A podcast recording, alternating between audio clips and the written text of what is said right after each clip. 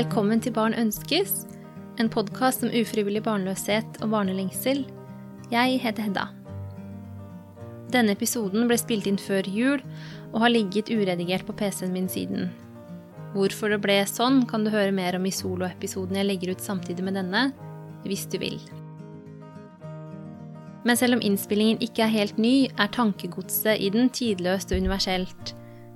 I denne episoden snakker jeg nemlig med Mari, som er fertilitetscoach i Medicus og en slags fertilitetsnestor på Instagram. I tillegg til å coache par og single som er i en fertilitetsprosess, deler hun raust ut innsikt og tankevekkere omkring de emosjonelle sidene ved infertilitet og fertilitetsbehandling. Det gjør hun ut ifra et utgangspunkt både som coach og som ei som selv er IVF-mamma til tre små. Hun vet med andre ord mye om hvordan det er å stå i barnløshet og barnelengsel. I denne episoden forteller Mari om sitt virke som fertilitetscoach og om den metoden hun bruker.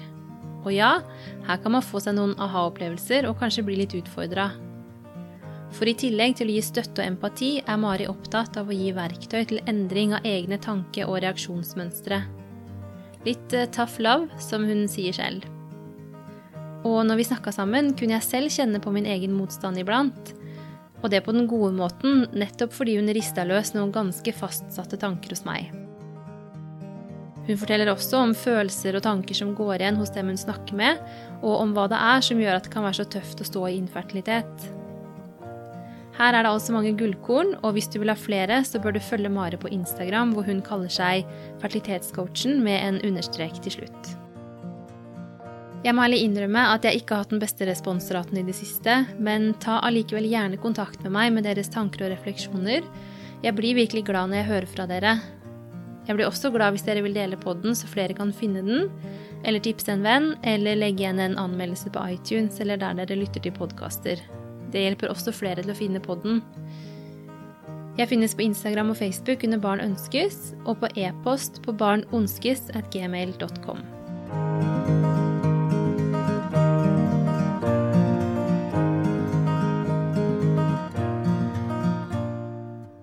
Velkommen til Barn ønskes, Mari. Tusen takk. Du har jo Instagram-kontoen og eh, yrkestittelen Fertilitetscoachen.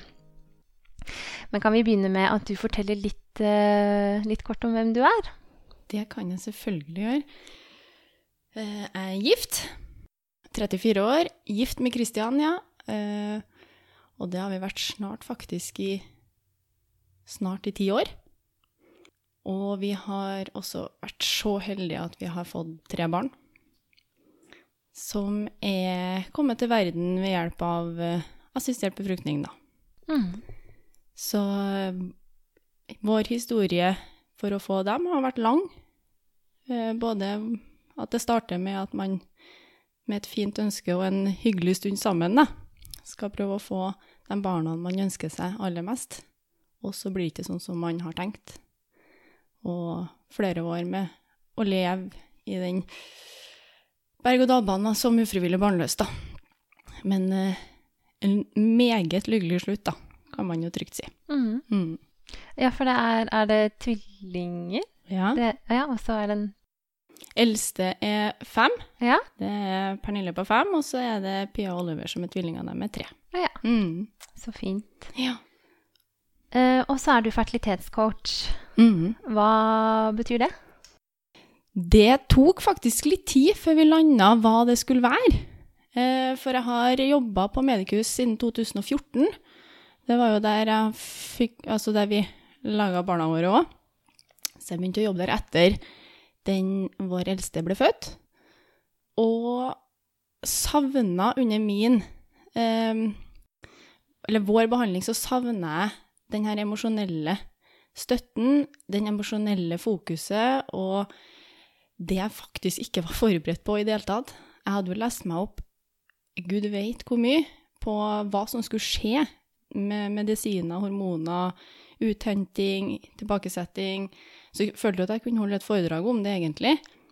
Men det her, hvordan det her påvirker meg, og hvordan det påvirker hverdagen min, psyken min, familien min, eh, alt rundt, det var jeg ikke forberedt på. Nei. Og det var veldig I hvert fall på det, når vi sto i så var det veldig, veldig få å snakke med det om. Så um, det ble at du holdt det mer for deg sjøl, og det var ganske tøft, syns jeg, altså. Mm. Så på bakgrunn av det så tok jeg seg til mediehuset at det her har jeg et godt forslag til OK.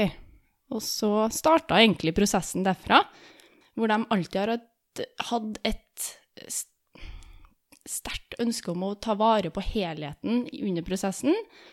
Eh, og så starta jeg der som, mer som en terapeut i starten, men så veldig fort at det her terapeutordet ble eh, ikke helt passende til, den, til par som er ufrivillig barnløs.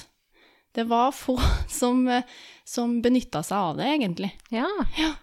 Eh, og så har vi drodla litt frem og tilbake, både med noen undersøkelser, med noen samtaler med par som er under behandling. Hva, hva vil være mer tiltrekkende for deg å søke hjelp på? da? Er det et annet ord, eller hva, hva er det vi kan gjøre? Og da landa vi på fertilitetscoach. uh, fordi fertil, altså ufrivillig barnløs starter jo fra også på egen hånd. Mm. Og det er de samme tankene, samme følelsene og nedturene og oppturene som skjer da. Men, eh, men det eskalerer jo ganske mye etter man er i gang med behandling. Men det gjelder både dem som er prøver på egen hånd, dem som er i startfasen, utredning, nettopp starta, har hatt mange forsøk. Eh, har man hatt flere aborter etter man er blitt gravid. Så, mm, og også etter man har fått barn. Mm. Så det gjelder så mange. Eh, så coaching, ja, det er en blanding av at jeg gir også en del tips og råd, da. Eh, ikke bare åpne spørsmål, det er det ikke. Men det er veldig forskjellig hva folk har behov for, da. Så det har vært en liten prosess, men vi landa på at fertilitetscoaching det innebærer både å hjelpe emosjonelt, men også så sitter jeg med mye erfaring og kompetanse på hva så mange spørsmål, mange, altså mange som har spørsmål da, om selve prosessen. Mm. Så man kan også svare og gi, gi dem kunnskap på det. da. Så en sånn blanding. Ja, og mer om det praktiske Ja. sidene. Mm. Mm. Det er interessant du sier at, uh, at dere opplevde at at det ikke var så mange som benytta seg av tilbud når dere kalte for terapeut. For et av de spørsmålene som jeg hadde lyst til å spørre deg om i dag, er om du syns at at de det gjelder, er flinke til å benytte seg av sånne tilbud, eller om det er noen barriere for å ta kontakt med en sånn coach som deg, og hva det kan dreie seg om. Jeg opplever eh, en veldig eh, større grad av at folk tar kontakt, spesielt etter Instagram-kontoen. Mm. Barrieren har bare gått helt mye mer ned. Det er lettere, mer altså, ufarlig. Og det syns jeg er fantastisk fint. Eh, og at man ikke trenger å vite hva egentlig problemet mitt er, eller vite hva er det jeg egentlig vil snakke med deg om. Det bare kjennes ikke godt. Og det er mer enn nok. Eh, sånn at eh, jeg har opplevd Jeg har jo hatt noen grupper. Der har jeg opplevd at det er mange som melder seg på, men mange som trekker seg i siste liten.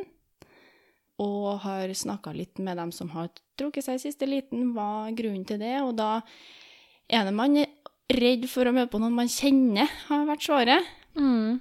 Og at man kanskje ikke helt sjøl var så åpen som man trodde. Eh, så man velger da å ikke gå. Og så er det også noe som forteller at det, da var jeg på et veldig eh, var veldig langt nede.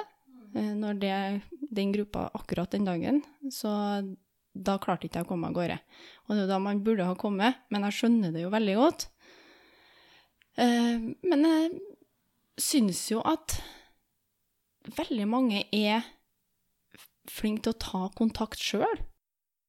Sånn at eh, jeg har jo mye oppfølging av våre pasienter som går til behandling på Medicus, men jeg har jo pasienter fra, fra flere private klinikker som går på både på Hausken og Spiren og Riksen og St. Olav og Porsgrunn og Haugesund og Så det er overalt. Eh, og det syns jeg er veldig, veldig ålreit. Og opplever også at de klinikkene syns det er veldig ålreit òg. Så det, det er veldig positivt, da. Og det er en fin utvikling, tenker jeg. Ja, veldig. Ja. Og ja, for det også var en, eh, noe jeg hadde lyst til å spørre deg om akkurat det med Man trenger vel ikke å være Medicus-pasient for å ta kontakt med deg? Absolutt ikke. Nei. Nei. Det er derfor vi har også Jeg har gått litt fertilitetscoachen er jo ikke en altså er jo ikke Medikus sin, sin Instagram. Det er jo meg. Det er jo Mari. Det er meg som er den. Og så jobber jeg jo der. Men uh, det tilbudet med fertilitetscoaching gjelder jo alle som er ufrivillig barnløs. Og uansett hvor i, hvor i stadiet man er hen. Mm. Hva jobba du med før du begynte i Medikus? Du, jeg har vært uh, i en ganske stor kontrast, egentlig, til ufrivillig barnløshet. Jeg jobba i barnevernet. Ja. Mm. Jobba i barnevernet i fire år, og så starta jeg for meg sjøl eh, i noe som het for mental toppform. Der jobba jeg som coach inn i bedrifter, men også for privatpersoner. Det var litt mer sånn generelle eh, coachingsamtaler også, da. Så har jeg også da hatt en, hadde en del ungdommer eh, som droppa ut av skole, og hadde mye samtaler med dem, da. Så det ble litt ensomt Eh, å jobbe helt alene for min del, sånn ut ifra der jeg var i, i livet. Eh, og det å starte for seg sjøl, det er hatten av, også, for det, det koster. Mm. Koster tid og penger. Så da kjente jeg at nei, et større miljø kunne vært ålreit. Men jeg elsker jo å møte folk, jeg elsker å prate med folk. Det er jo det som eh, er det jeg brenner for egentlig aller mest. Og det er det jeg har holdt på med hele tida. Bare et litt ulike tema, da og ulike områder. Mm. Mm. Og det tilbudet du har, det er uh, samtale med enkeltpersoner og par, og så er det grupper? Mm. Er det mer? Jeg har foredrag òg, sånn at det skal jeg, jeg jobbe Per nå så har jeg samtaler med par, ja, og også hvis man kommer alene. Det er jo mange som gjør det. Jeg har veldig sjelden menn som kommer alene. Jeg har noen få. Eh, og så har jeg en del par og veldig mange kvinner som kommer alene. Ja. Mm. Det er den største pasient, altså gruppa som jeg har, da. Men og da vil jeg tro at uh, noen av de kanskje er i prosessen alene, men at mange er i prosessen sammen med en partner, men allikevel tar kontakt med deg for sin egen del. Mm. Hvorfor tror du at uh, spesielt det er kvinnene som har behov for hjelp for fra deg? Hjelp, uh, Altså min, min, opplevelse, min erfaring når jeg, har, når jeg har både med meg og min egen mann, da, eh, men også alle disse parene som jeg har vært så heldig å møtt på veien her, så ser man jo at vi kvinner og menn er laga forskjellig. Vi er forskjellige, og det er noe vi må akseptere og godta. Eh, jeg har mange damer som kommer til meg at du kan ikke lære mannen min å bli mer emosjonell, f.eks. Og jeg tenker ja, det skulle kunne Om jeg kunne ha gjort det, så hadde det vært eh, supert. Men eh, da svarer jeg ganske tydelig at det skal vi, trenge, skal vi ikke. Vi har ikke behov for det. Hvis du sitter med to såpass emosjonelle i den prosessen her, så blir det tungt, altså. Så vi er avhengig av at eh, mannen er mer lett til sinns i prosessen her. Nå gjelder ikke alle, det er jo individuelt for menn òg, men stort sett så er det veldig mange menn som er lettere til sinns enn vi damer.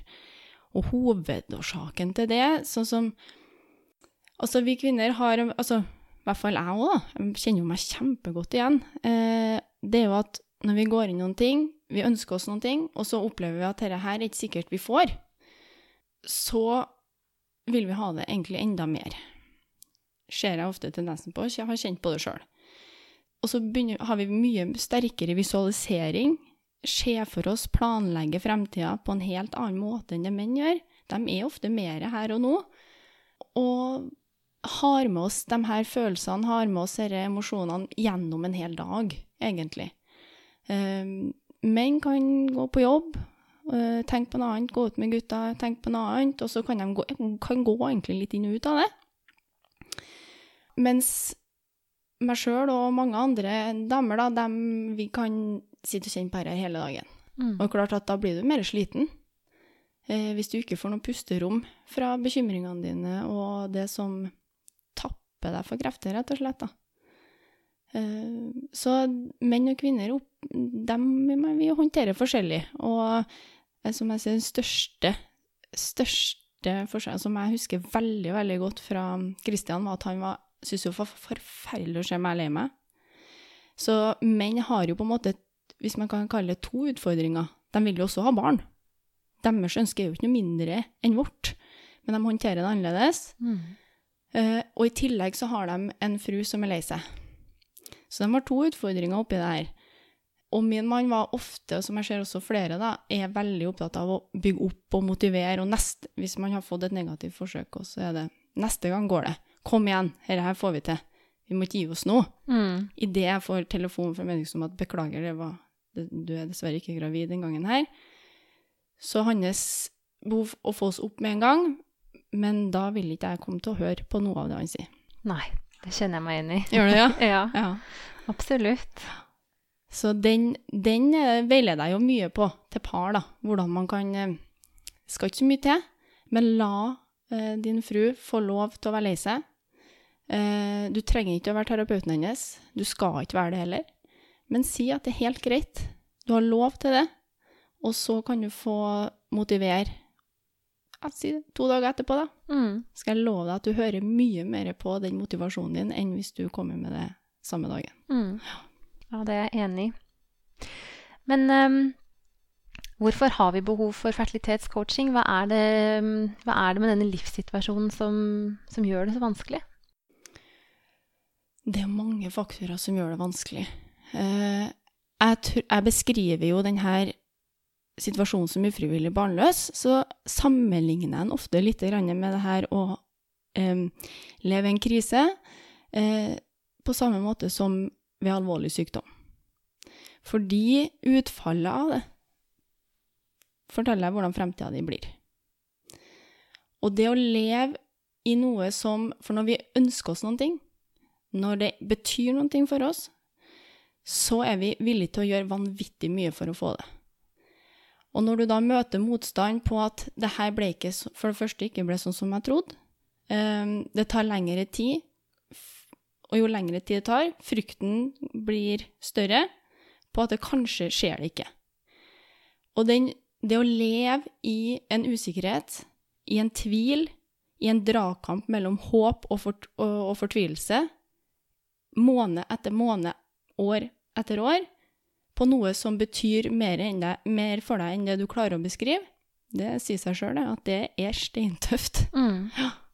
Og så gjør det jo, i hvert fall min opplevelse, at, uh, at veldig mange andre ting i livet må vike også, som egentlig er ting som gir mening og glede og livslyst. Og så bare vokser det seg større og større. Mm.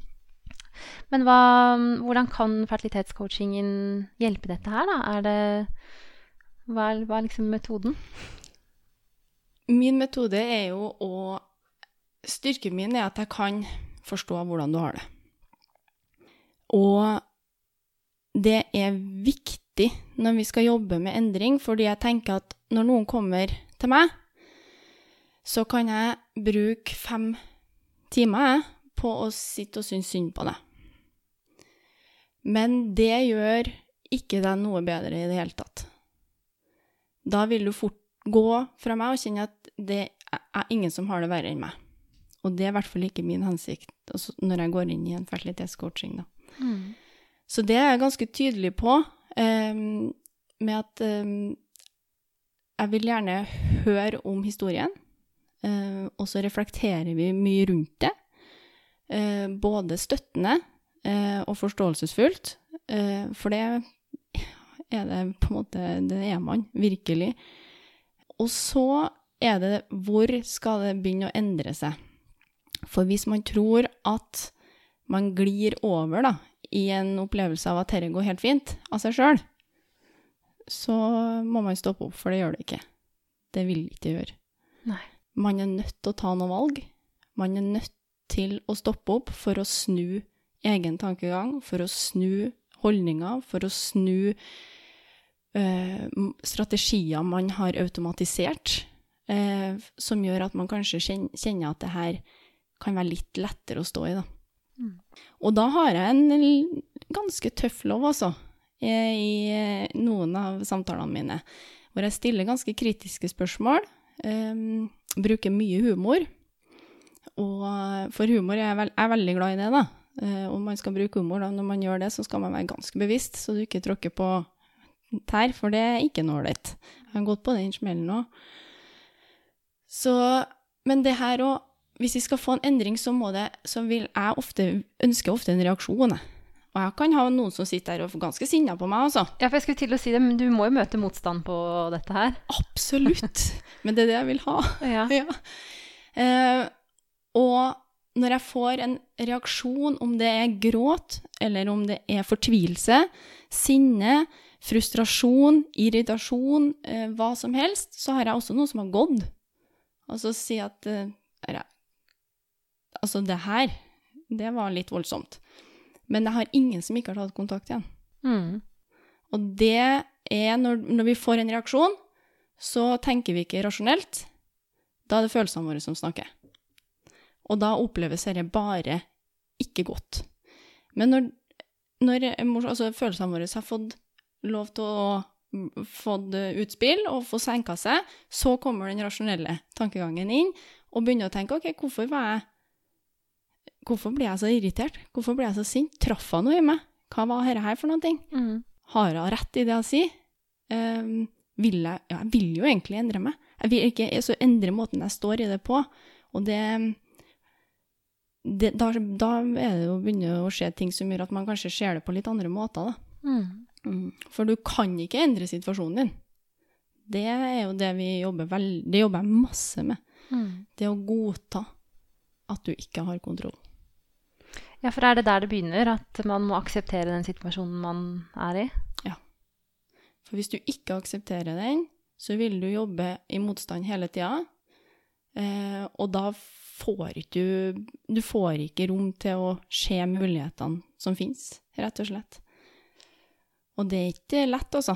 Nei. Det er ikke lett i det hele tatt, men eh, du verden så mye jeg ser som, som gjør at det ikke Det er jo ikke det at, det skal, at man skal gå og tenke at uh, det å være ufrivillig barnløs er supert, og jeg digger å være ufrivillig barnløs. Det er jo ikke det. Men det er at uh, du fortjener å ha det bra på veien. Uh, det gjør man virkelig. Og det er også viktig å huske på at veien er jo å få å bli gravid. Og så er det så mange jeg møter som når de blir gravid, da, så kjenner de at bekymringene slipper jo ikke taket. Og tenker at bare jeg blir gravid, så skal jeg få puste igjen. Da skal jeg begynne å leve. Eh, men så skjer ikke det. Og det er jo fordi at man har gått i så lang tid og automatisert så masse tanker som, har, som man ikke har stoppa opp.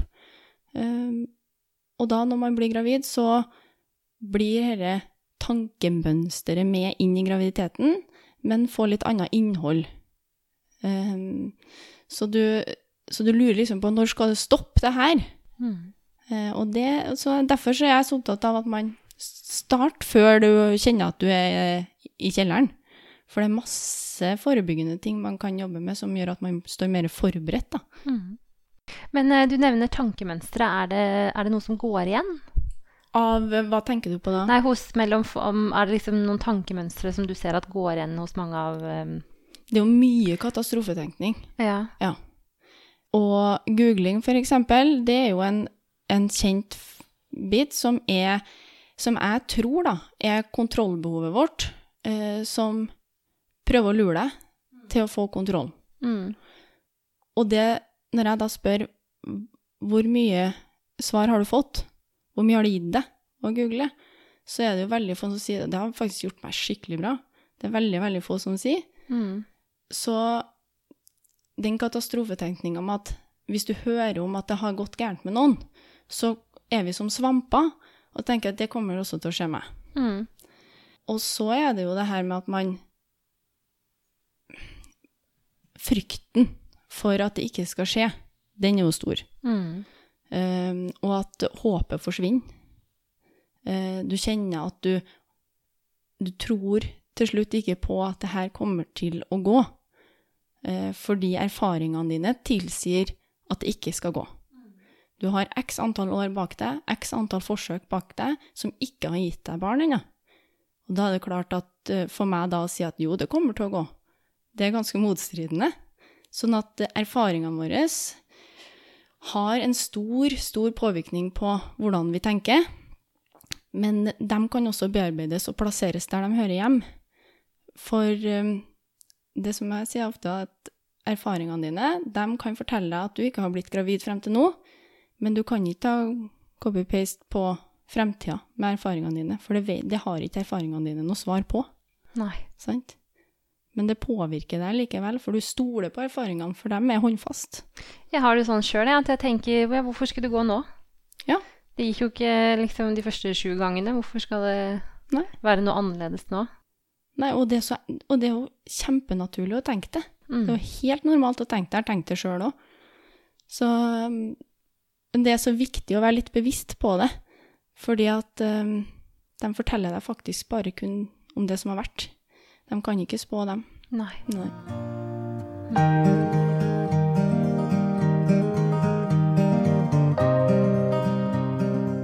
Er det andre tankemønstre som går igjen? Det er jo mye tema som går igjen. Ja. Ja, eh, så hvis det, det hvis jeg, Da er det jo eh, Altså, dårlig samvittighet eh, er jo mye. Te, stort tema. Overfor partner? Overfor partner, overfor jobb, overfor venner, overfor eh, kollega, altså kollegaer, ja. eh, familiemedlemmer. Eh, da går det mye på at de har dårlig samvittighet fordi at de ikke slipper inn eh, folk i sitt eget liv, med at man ikke er åpen om det. Man, man klarer ikke å være åpen, har ikke kommet dit at man kjenner at det er greit for meg å være, men får dårlig samvittighet på grunn av det. Mm. Man får dårlig samvittighet fordi at man må lyge, fordi at man skal på lege, på, til legen, man skal til, eller på klinikken da, i jevnlige kontroller der, eh, og må lyge av det, for dårlig samvittighet for at man gjør det. Det er jo et stort tema som går igjen, og samvittighet er jo noe som tar vanvittig mye krefter av oss. Mm. Eh, og også overfor partner. Eh, og det, men der ser jeg kan variere litt ut ifra årsaken til infertiliteten nå, da. Med samvittigheten overfor partner. Men der er det jo eh, Det kan jo både gå fra komme fra mannen, men også fra dama. Det varierer jo veldig, da. Mm. Så det er et tema som jeg jobber veldig mye med. Eh, og så er det her med å kjenne seg eh, dum. Mange som sier at det har vært et ekstremt eh, tema, stort tema i siste, hvor de føler seg dum og ond. Um, og det med ond er at man sitter med disse ulovlige tankene som ingen snakker om. Misunnelse Ja, Sjalusi. ja. Rett og slett. Helt naturlige tanker som kommer når du, noen har noe du jobber så hardt for, og ikke har det. Og det, det er klart at når du tenker, som jeg gjorde sjøl, at uh, en av mine nærmeste venner blir gravid, og, og hun skal på ultralyd, og, og jeg helt oppriktig sitter og tenker at jeg håper at det er noe gærent med det barnet på den ultralyden, så jeg, så jeg slipper å forholde meg til at du skal få barn. Mm. Det er ganske voldsomme tanker som kommer, men det er jo det, er jo det, som, altså det handler jo ikke om deg i den situasjonen. handler jo ikke om min venninne eller det barnet. Det handler jo om at eh, det handler om min sorg, og om at jeg ikke har det bra. Så da kommer sånne tanker. Og det er helt naturlig at de kommer, og alle har dem på en eller annen skala. Ja, virkelig. Ja, nå, det er liksom en av de tingene som jeg Når man begynner å snakke med folk, så er det jo det, er jo det samme. Ja, det Man samme sitter der med det påklistra smilet og Å, så koselig. det påklistra smilet er også Ja. kjent. ja. Men du sier at man føler seg dum. Hva handler det om?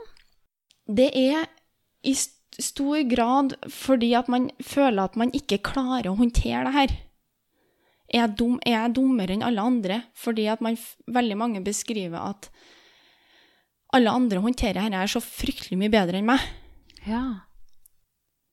Er jeg mindre intelligent, eller hva er det som foregår? Og da er det ett svar som gjelder, og det er at du er livredd. Derfor tenker vi ikke alltid klart. Mm.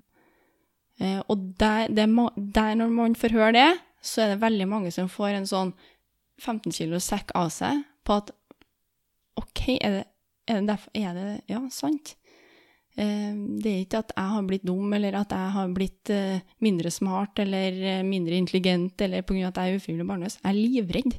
Mm. Og da er det ofte følelsene våre som handler, og ikke hodet vårt som eh, i like stor grad som gjør når ting er i balanse. Så um, det er ganske viktig å, å huske på sjøl, altså. Mm. Jeg syns jeg merker det veldig godt selv. Ja. Det, det, går jo litt både på dårlig samvittighet og det å føle meg dum.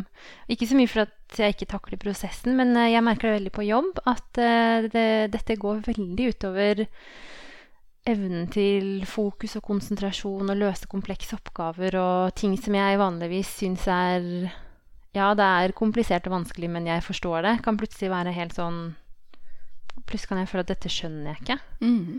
Så ofte er det derfor jeg har hatt f.eks. gradert sykemelding. Fordi jeg bruker mye lenger Ikke fordi at jeg er så dårlig fysisk, men fordi jeg bruker kjempelang tid på å gjøre oppgaver som vanligvis tar meg kortere tid. Da. Mm. Og det er det jo mange som kjenner seg igjen i. Mm. Garantert vil kjenne seg igjen i når du sier det der.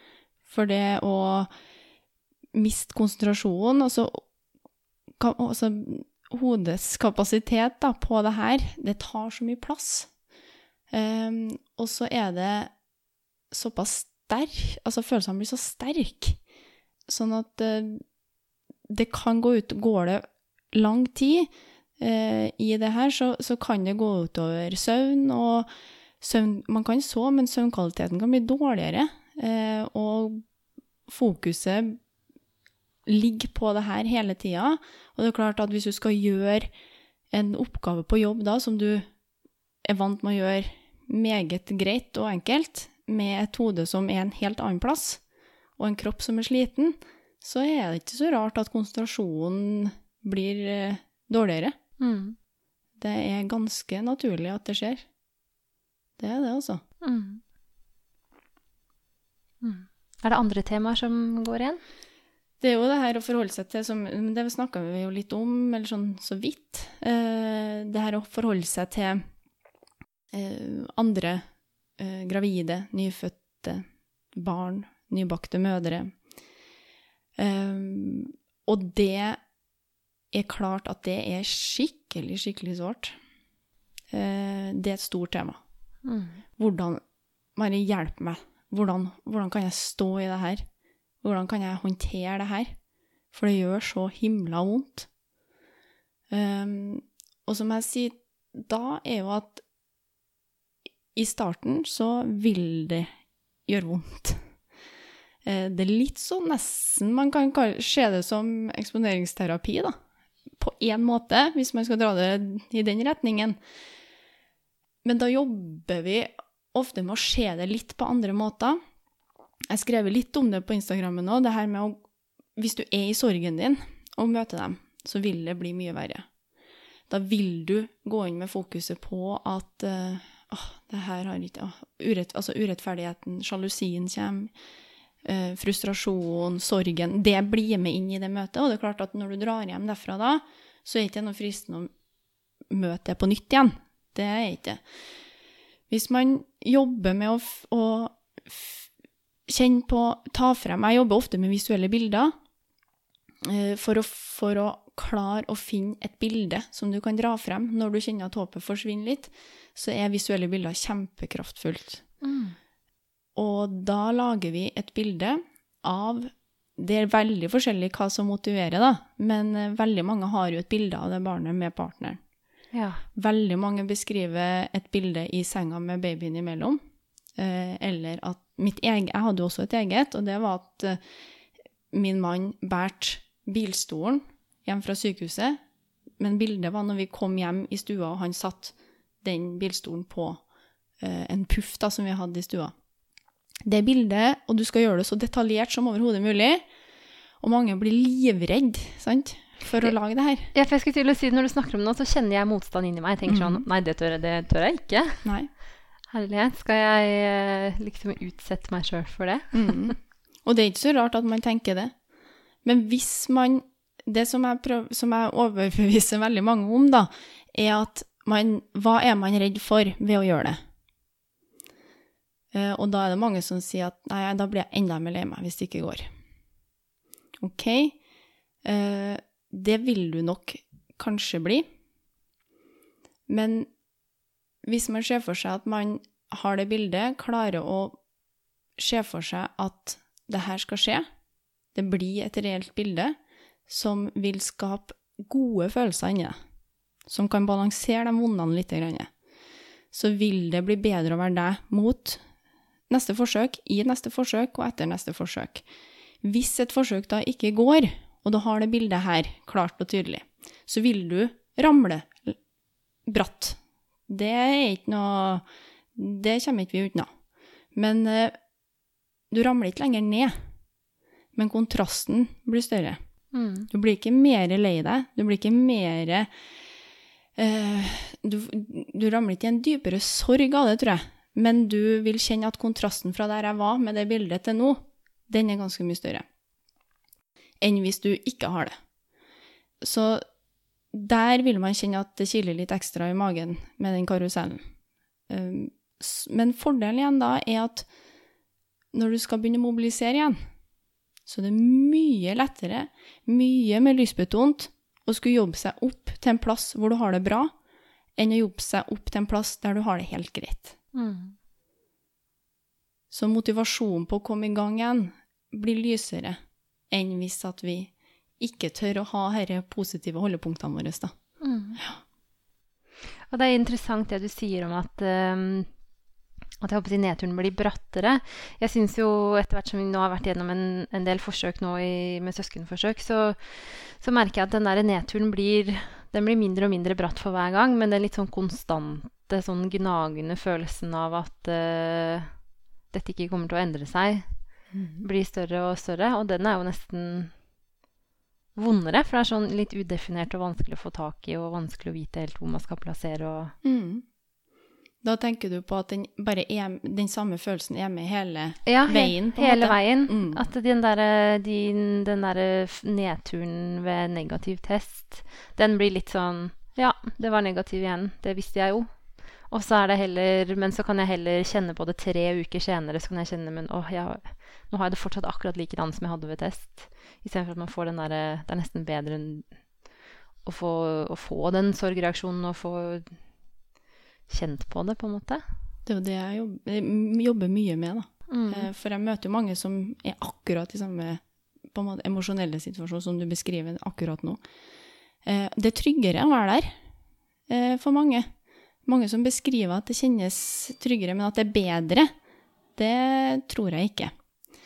Eh, For det er klart, vi har Kontrastene er så viktig å kjenne på, men man må tørre. Det er det, mye, det, er jo det mye det går på. Man må stoppe opp, eh, analysere, få oversikten over hvordan er det jeg har det nå emosjonelt. Hva er det jeg gjør som gjør at jeg, får, at jeg opplever å ha det sånn som jeg har det nå? Selve prosessen får ikke jeg gjort noe med, men hvordan er det hvilke strategier har jeg, hvilke valg tar jeg, som gjør at følelsene mine blir da jevnt over hele veien. Eh, og så må man stoppe opp og se hvordan kan jeg gjøre det her annerledes. Er det Og da skal ikke man gape over for mye med en gang. Det gjør, vi, det gjør man jo ikke. Da blir det for mye. Men man tar litt og litt. Og da er det mye av det å tørre å gå inn på det her med å kjenne på hvorfor gjør vi det her? Mm. Hvorfor? Fordi en, du kan jo sikkert kjenne deg igjen sjøl, da, i en IVF-prosess. Selve IVF-prosessen med å sette sprøyter, egguthenting, eh, mage, tilbakesetting, ultralyder Alt det det innebærer med det praktiske, det vil jo aldri gi deg positiv energi. Nei. Aldri. Og hvis du mister håpet ditt, hvis du mister håpet Håpet vil jo er jo der hele tida, hvis ikke så hadde du fortsatt da. Men hvis du mister håpet sånn gjør at du mister de følelsene, positive følelsene som er knytta til håpet, så tror jeg du stopper opp. Mm. Da tror jeg, du ikke, da tror jeg nok er nok. Mm. Fordi det koster oss så mye å gjøre det her. Økonomisk for mange. Tid. Krefter. Veldig, veldig mye. Men det betyr så uendelig mye mer enn det. Eh, Og hvis vi mister 'hvorfor gjør jeg det her', da er det lite som ligger igjen i motivasjon til å fortsette, altså. Mm. Jeg tenker på, Når du sier det, så tenker jeg på mm, Vi hadde et forsøk nå i august, et fryseforsøk i naturlig syklus, som det er jo egentlig ikke et uh, sånn praktisk sett veldig belastende forsøk. Men eh, da hadde vi bestemt oss for å skifte klinikk. Vi hadde bestemt oss, eller vi hadde starta den prosessen, så venta vi på en hystroskopi. Så var vi litt sånn ja, Vi lå jo på stranda i sommer og var sånn Vi skal ikke bare slenge på et fryseforsøk til før vi kaster inn håndkleet der. Og i ettertid så har vi snakka om så mange ganger at det var så dumt, for vi hadde null trua på det. Um, hodet var ikke med i det hele tatt, og det var Det er det tøffeste forsøket vi har hatt uh, hittil. Ja, det var helt sånn um, Det stritta imot med hver fiber i kroppen. Selv om det eneste jeg skulle gjøre, var jo egentlig å teste et regelløsning og ha et innsett, på en måte. Men det var helt sånn Det var skikkelig fælt. Det føltes ikke bra i det hele tatt. Fordi at du da ikke var påkobla? Ja, og ikke, ja. vi hadde ikke noe troa på det. Jeg, jeg, tror det var det. Vi hadde ikke noe troa på det. Vi trodde ikke en millimeter engang at det kom til å bli noe ut av det. Nei, og det er jo et eh, bilde på det vi snakker om nå. Mm. På akkurat det her med at hvis du ikke har troa på det, hvorfor skal du i gang? Hvorfor gjør du det, da? Mm. Uh, og det er mange som kjenner litt sånn irritasjon når jeg sier det òg. Uh, eh, men jeg vil bare få frem uh, viktigheten av at håpet det, kom, det kommer ikke gratis, altså. I starten så er det der, så det holder. Mm. Og troa er der. Troa og håpet henger jo sammen. Og i starten så er det der jo i massevis. Det der er jo nesten litt spennende. Ja. Man har kanskje prøvd på egen hånd lenge, og så endelig så skal man få noe hjelp. Så tenker man ja, at det er litt sånn Å, hvor mange egg blir det? Og, og, litt, ja, jeg husker det som spennende i starten, og så etter hvert så blir det vanskeligere og vanskeligere å holde fast ved en sånn tro på at det skal bli til noe, da. Ja, og da er det jo disse erfaringene som tar deg igjen, da, vet du. Mm. Som uh, forteller deg at uh, håp Skal du håpe? Har du sett bak det? Du har jo hvorfor, hvorfor, skal du bygge opp meg? Erfaringene dine sier jo at dette her går jo ikke. Mm. Så da tar man jo et valg uh, på om skal du trene opp håpet ditt, eller skal du dyrke erfaringene dine. Mm. Og valget der har ekstremt mye å si på hvordan du står i det videre fremover, da. Mm. Jeg kjenner jeg syns det er litt provoserende når du sier det. Ja. men det tåler du. jeg tåler det. Jeg tåler det. Jeg tror, jeg tror, jo at du har rett, men jeg kjenner allikevel litt sånn inni meg at jeg blir litt sånn Å, ja, dette var litt irriterende, syns jeg. ja. Jeg ser at du blir litt sånn ja. ja. Men det er bra, det. Mm. Det er jeg har jo en meget, meget klok mor som jobber mye med motivasjon og inspirasjon og endring av tankemønster, eh, som var en stor, stor eh, del av min prosess. Og vi er nok ganske like på mange områder, eh, og hun utfordra jo meg ganske mye. Hvor jeg kjente at jeg ble ganske irritert ganske mange ganger. Men uten de irritasjonene så hadde jeg ikke håndtert siste delen min på den måten jeg hadde gjort, altså. Mm. Det er jeg ganske sikker på. Men vil man kunne klare å utfordre seg sjøl sånn, eller er man avhengig av noen utenfra som, eh, som dytter deg litt i ryggen? Nei, jeg tror du kan eh, Altså Du kan eh, det, det, er sånn, det, er vanskelig, vet du, fordi at man kan bruke eh, nettverk, altså familie og venner. Det som er sårbart der, er jo at mange av dem ikke har innsikt nok til å forstå at det her, hvor tøft det her er. Eh, for jeg vet når jeg jobber med det her, at det her er ikke lett, altså. Det er ikke lett i det hele tatt, og har enormt respekt for, eh, for eh, veldig mange av parene, altså alle parene jeg møter, og dem som jeg ikke møter òg, som er ufrivillig barnløse, da. Så da er det litt mer opp uh, Da ligger liksom mer ansvaret på en sjøl, da, for å informere dem rundt hvordan det her er. Hva, og da må man gå litt i seg sjøl. Hva, hva, har jeg behov for? Uh, hva trenger jeg? Um, for det er klart at vi, i en prøverørsprosess så er det ulike faser. Sant? Så hvis du er i en sorgfase, så er nok den optimistiske, positive eh, venninna ikke den du kanskje trenger mest akkurat da. Eh, da kan det være en eh, venninne som er mer empatisk og forståelsesfull, som kan være eh, som kan, Og mer fysisk Som kan gi deg en god klem. En som kan fortelle at du er, er glad i deg som du er. Det viktigste akkurat da.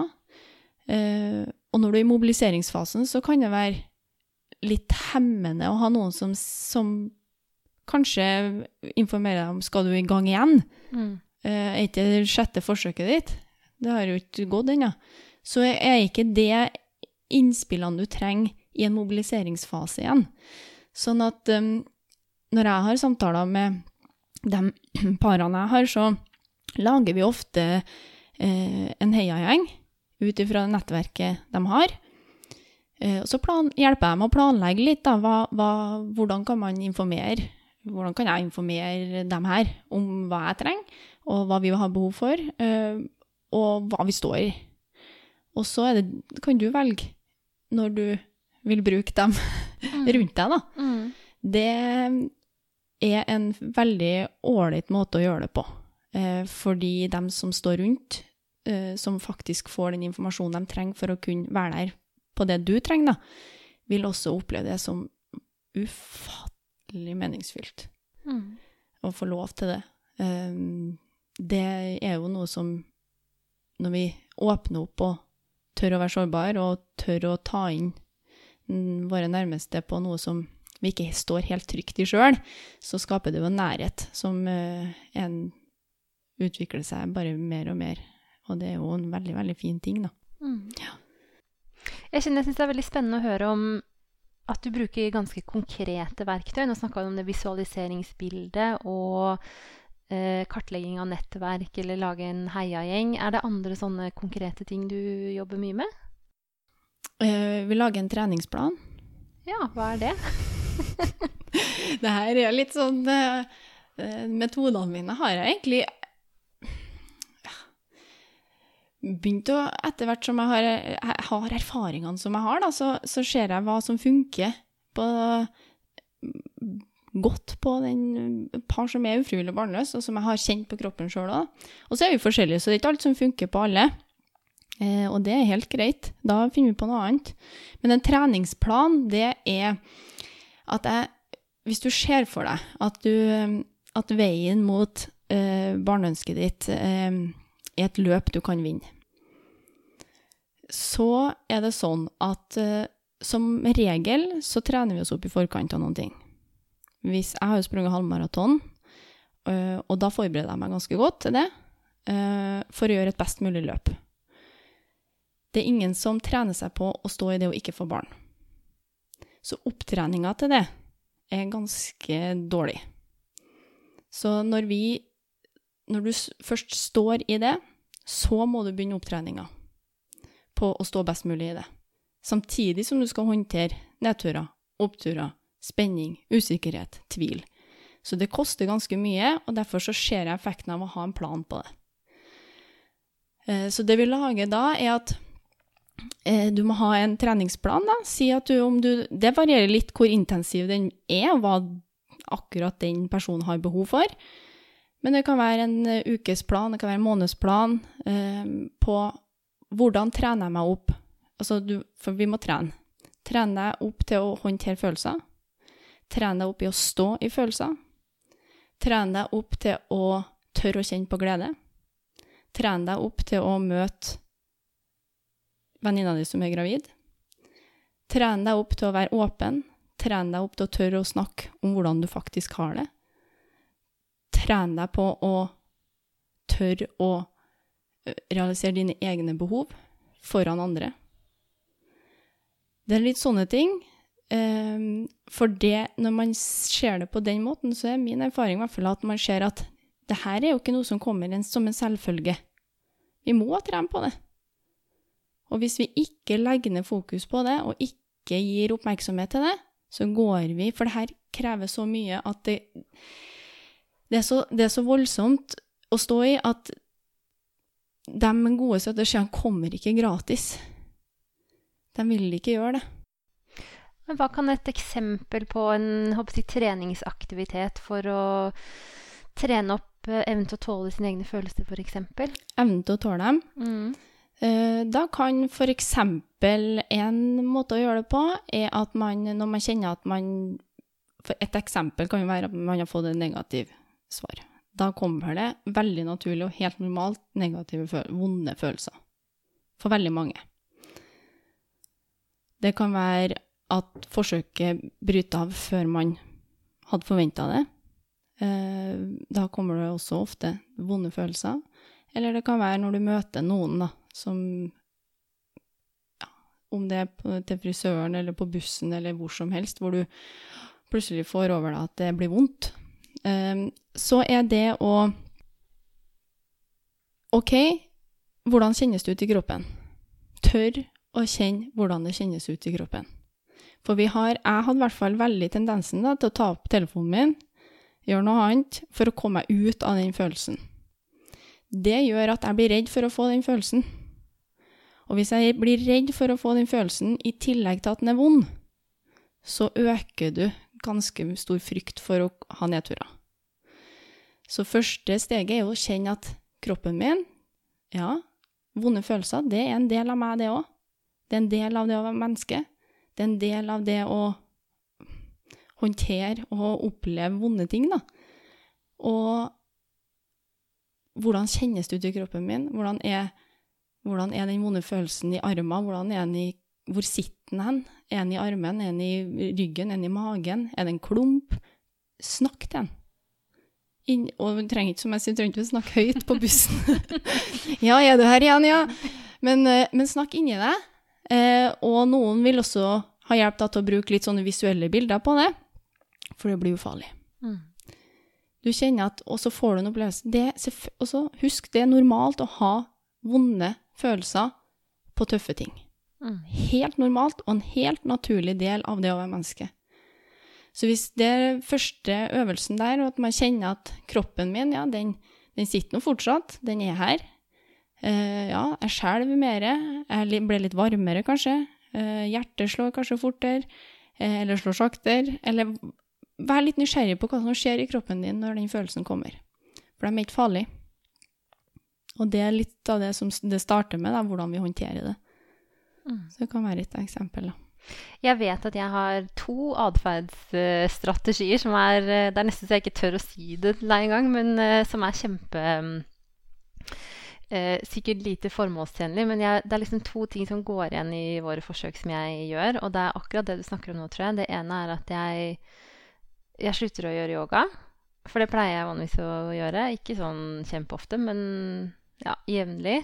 Og det handler, jo, det handler, jo, om at jeg ikke helt orker å gå inn i meg sjøl, på en måte. Og så begynner jeg å sitte og spille spill på mobilen og se på TV samtidig. Mm. og mer ytre stimuli enn det kan du vel ikke få på en hjerne, på en måte. Og det er jo for å slippe å tenke og slippe å kjenne etter. Og, og jeg merker jo at jeg blir helt sånn stiv av det, på en måte. At det egentlig ikke er noe godt for meg. Men jeg klarer ikke helt å slutte, da. Har du stilt deg noen spørsmål om på Hvorfor tror du du Hvorfor tror du du har de strategiene? Ja, kanskje ikke så dyptgående, men jeg tror jo det er fordi at jeg øh, øh, prøver å overdøve der, øh, stemmen bak i huet som sier 'det går ikke, det går ikke'. Mm. Ja. Hva tror du ville ha skjedd da, hvis at du hadde latt den få lov til å komme med budskapet ditt? Eller budskapet sitt, mener jeg ikke det. Jeg må tenke litt, jeg, nesten. Jeg vet ikke helt. Nei. For det, ofte så skjer i hvert fall jeg, da, at de hvis man, hvis man har det å håndtere følelser som en av treningspunktene sine, da, så for det første så blir man litt mindre redd for dem. For man blir tryggere og tryggere jo flere ganger du tør å stå i en følelse, jo mindre farlig blir den, og jo mindre kraftig blir den. Og i tillegg så klarer du å få informasjon av disse følelsene. Eh, fordi at når vi har vonde følelser, så er det et tegn på noen ting. De vil jo fortelle oss noen ting. Og det er det der jeg trekker da ofte håpet med vonde følelser i en og samme ting. Det handler om det samme. Mm. Det handler om ønsket, det sinnssyke ønske, sterke ønsket om å få barn. Håpet handler om det, og de vonde følelsene handler om det. Og hvis man klarer å jobbe med å trene og tørre å stå i disse følelsene her, eh, så vil man også få nytten av dem, som kan være med på en måte å fortelle hvor viktig det her er. Som gjør det lettere igjen da, å mobilisere. Ja. Fordi at de er en, de er en motor for det, som skal holde deg som, For hvis det blir helt flatt, da er det ingenting som forteller deg at eh, det her er viktig for deg. Det her må jeg fortsette. Dette må jeg, jeg må jeg fortsette. Jeg står på. Ingenting som forteller deg det. De vonde følelsene forteller deg også hva det her betyr for deg. Mm. De gjør det på en litt sånn uggen måte, da. Mm. Mm. Ja, sånn har jeg ikke tenkt på det. For det er nok veldig en sånn strategi for å Dels å få tida til å gå litt, Mm. og for å Ja, for å, for å flate ut litt, da. Og så syns jeg det som frustrerer meg mest med det, er liksom at uh, det flater ut oppturen òg. Det er jo ikke et veldig rikt liv. Nei, det er det Og så er det jo i perioder, da, mer enn andre, men det er jo ikke et rikt liv å sitte i sofaen og se på Netflix og spille spill på mobilen samtidig. Nei. Ikke det. Innimellom, kanskje. Innimellom, Innimellom ja, slagene. Altså innimellom, ja. Men. Og det er ikke det at jeg ikke gjør annet, altså, men, eh, men jeg merker det er en sånn eh, Og jeg Det er sånn jeg observerer det med meg sjøl, at jeg tenker sånn Ja, nå er jeg i gang med dette her igjen, ja. Ja. Det er veldig rart. Ja, og det er jo helt riktig det du sier, at ved å safe seg litt, som jeg kaller det, da, på å unngå de dypeste nedturene, unngå dem, så holder man seg mer midt imellom, men da mister du også de toppene. Eh, og de toppene er det jo som gir deg påfyll, som gir deg energi til å håndtere de nedturene. For det, det er viktig å huske på at når du legger deg i et, i et um, felt midt i, så har du ikke den påfyllet og den energien som, som gjør at du håndterer nedturene. Og det gjør også at du blir reddere for dem. Mm. For du, du, du kjenner ikke overskuddet ditt. Fordi at du har ikke noen plass å hente det fra. Nei. Og da blir du redd for å gå ned. Så, sånn at det, de, det henger jo sammen, dette her. Men det er Ja, det er en, en virkelig en eh, prosess som, som det krever mye av en sjøl å jobbe med, da. Det gjør det. Men gevinsten er jo vanvittig stor. Mm. Fordi jeg tenker man skal bli, stå i det og bli gravid, som er på en måte første steget. Og så kan man være gravid i ni måneder, og så skal du bli mor, Mm. mamma. Og det er klart at uh, det her er jo en forberedelse og en opptrening til det å bli mamma òg.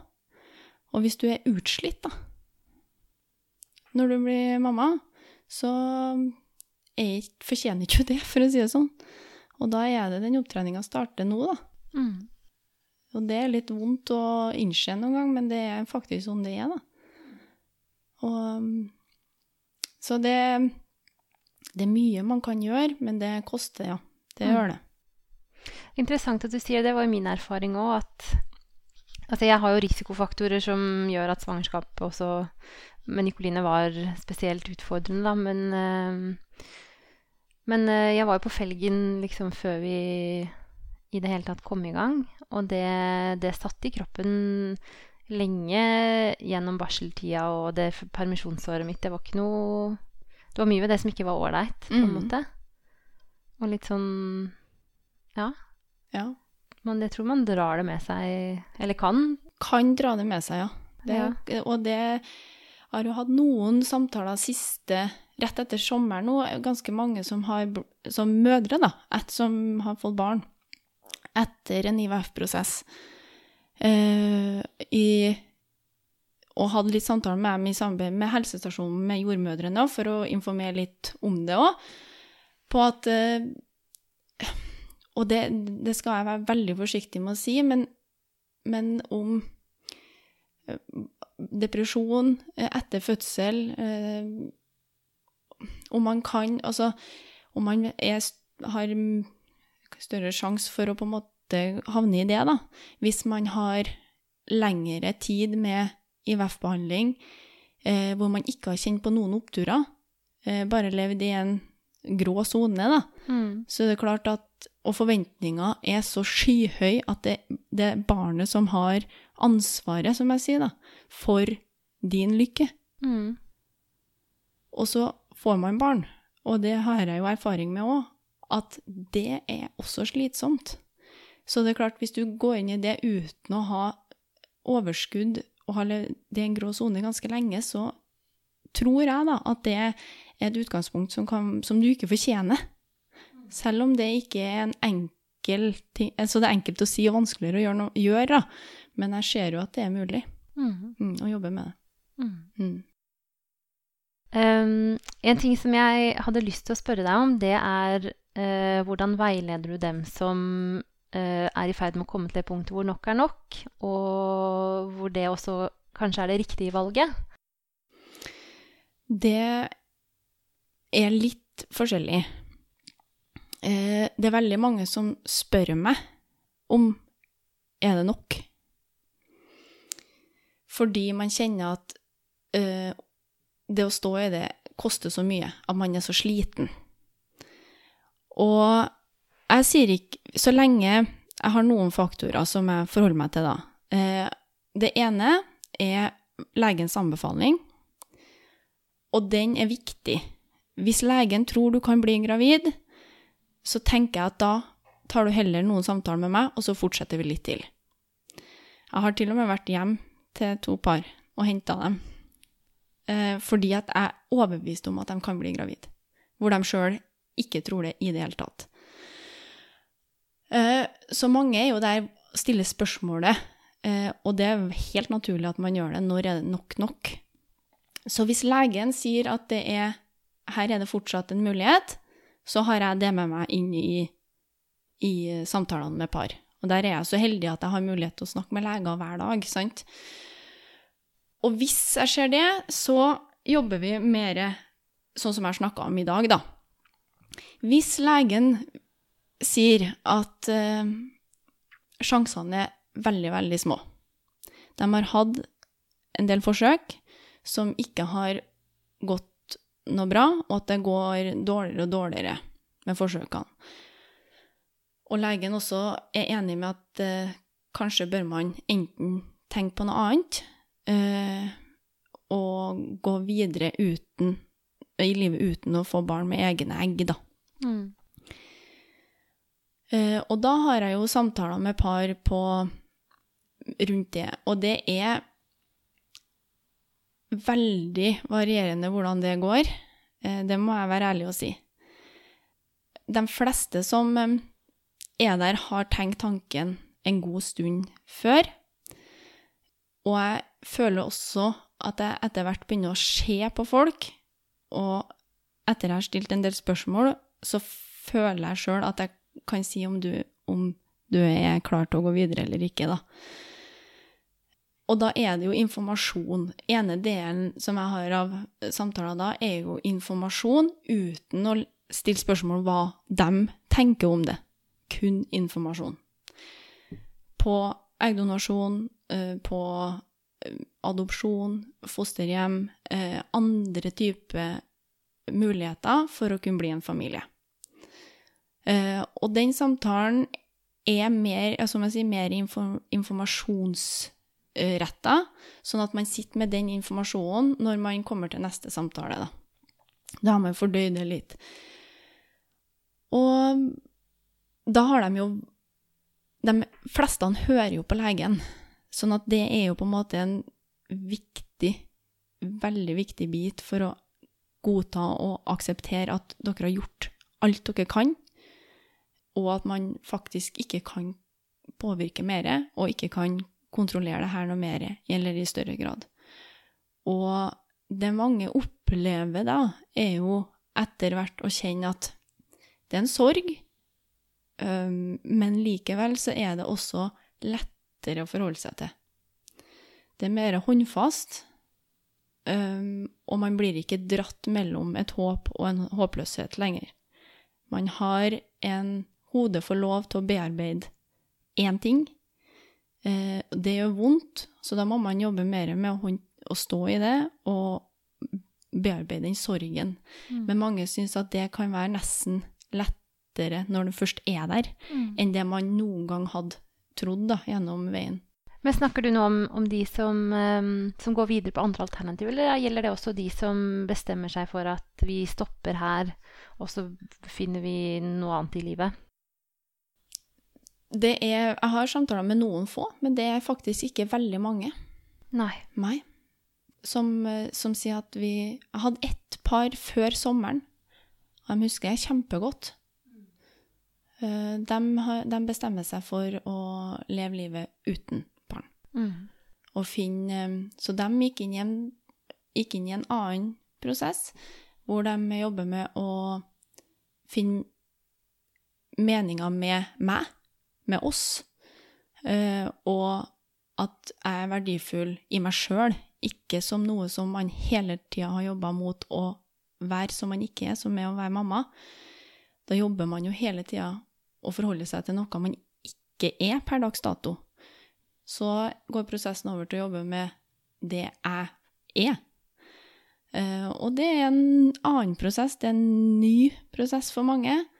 Eh, men jeg har ikke mange av de samtalene, altså. Det har jeg ikke.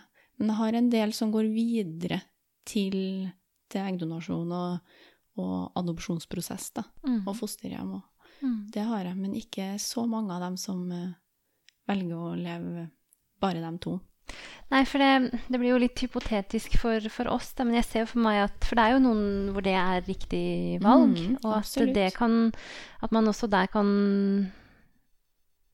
Eller vil jeg tro sitte igjen med veldig mye ubearbeida og u... eh, Vi har for eksempel Eller jeg har jo tenkt at dette med søskenforsøk det er, vel, det er på en måte litt annerledes. Jeg tror at med første barn så hadde vi gjort alt vi kunne. Men nå har vi liksom etter hvert mer og mer begynt å komme til en sånn tanke om at kanskje det er viktigere på et eller annet tidspunkt å ha det fint som den familien vi er. Men jeg tror at den dagen vi eventuelt hadde tatt det valget, at vi hadde hatt behov for å få bearbeida det på noe vis. At nå har vi faktisk brukt så mye tid og energi og krefter og penger på et søskenprosjekt som ikke ble noe. Mhm. Mens jeg vil se for meg at mange sitter igjen i en sånn situasjon, eller en del, da, og m- om å på en måte bare håndtere det selv. Det er det nok. Mm. Det tror jeg det er. Mm. For jeg hadde ei dame som spurte meg her nå om Fins det For hun hadde fulgt kontoen min. Så sier jeg fins det noen gruppe, eller fins det noen ting for oss Det var akkurat i en sånn situasjon, da. For oss som eh, har vært gjennom den prosessen, men som står på sluttstreken uten, og ikke noe, går noe videre, eh, men lever livet vårt med meg og partneren min, da. Mm. Fins det noe for oss?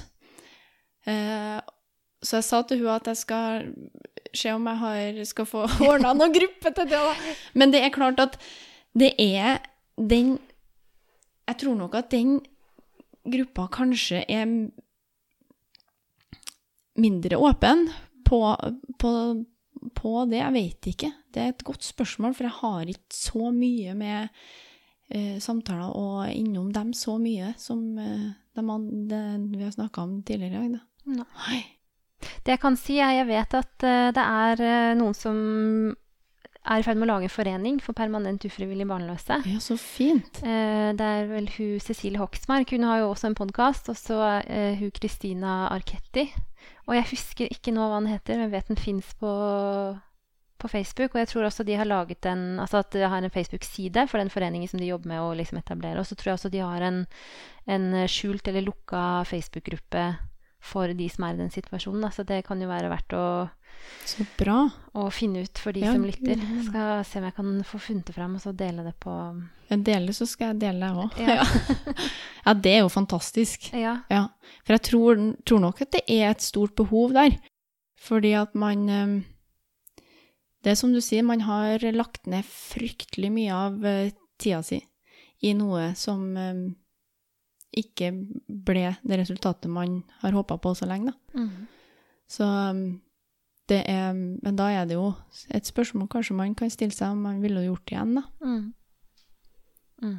For det man, det man, man vet jo ikke. Det er jo det som er det for, Hadde man visst at det, i juni 19, så blir du gravid, Mm. så hadde jo dette vært uh, veldig annerledes å stå i. Absolutt. Det har jeg tenkt mange ganger òg. Hvis noen hadde sagt sånn Ja, du, du må ha fem innsett til. Kommer til å ta deg ett år til. Mm. Så kan man si OK, det gidder jeg, eller det gidder jeg ikke. Ja. Mye enklere å forutsette. Men at noen sier at jeg ja, sjansen for å bli gravid, den er der. Men når, det vet vi ikke. Nei.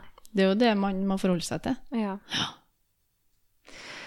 Eh, Jeg skulle gjerne ha sittet her hele ettermiddagen og spurt deg masse mer, men eh, vi må runde av. Vi kan, det må vi, og det er Ja. veldig trist. Men jeg kan komme tilbake igjen. Ja. Ja. Eh, Er det noe du har lyst til å si sånn avslutningsvis? Jeg vil si at eh, Jeg vil bare si at jeg er imponert hver eneste dag. Eh, jeg er ydmyk hver eneste dag. Og jeg er ekstremt stolt eh, av å være mamma til tre barn som er laga gjennom assistert befruktning. Den følelsen av at man har jobba så hardt for å få det, og hvis man ga seg på et tidligere tidspunkt, så hadde ikke de vært her. Det, det er sånn som sitter langt inn i ryggmargen min i dag, altså. Mm. Og det er så mange barn som kommer til verden fordi at det er to mennesker som gjør alt de kan for å få den familien, og for å gi det, det, det mennesket et liv. Ja, det, det syns jeg bare å ta seg hatten for. Mm. Rett og slett. Mm. Mm. Tusen takk for at du ville komme hit og snakke med meg. Bare hyggelig. Og så heier jeg på alle sammen. Enig. Det er jeg enig i.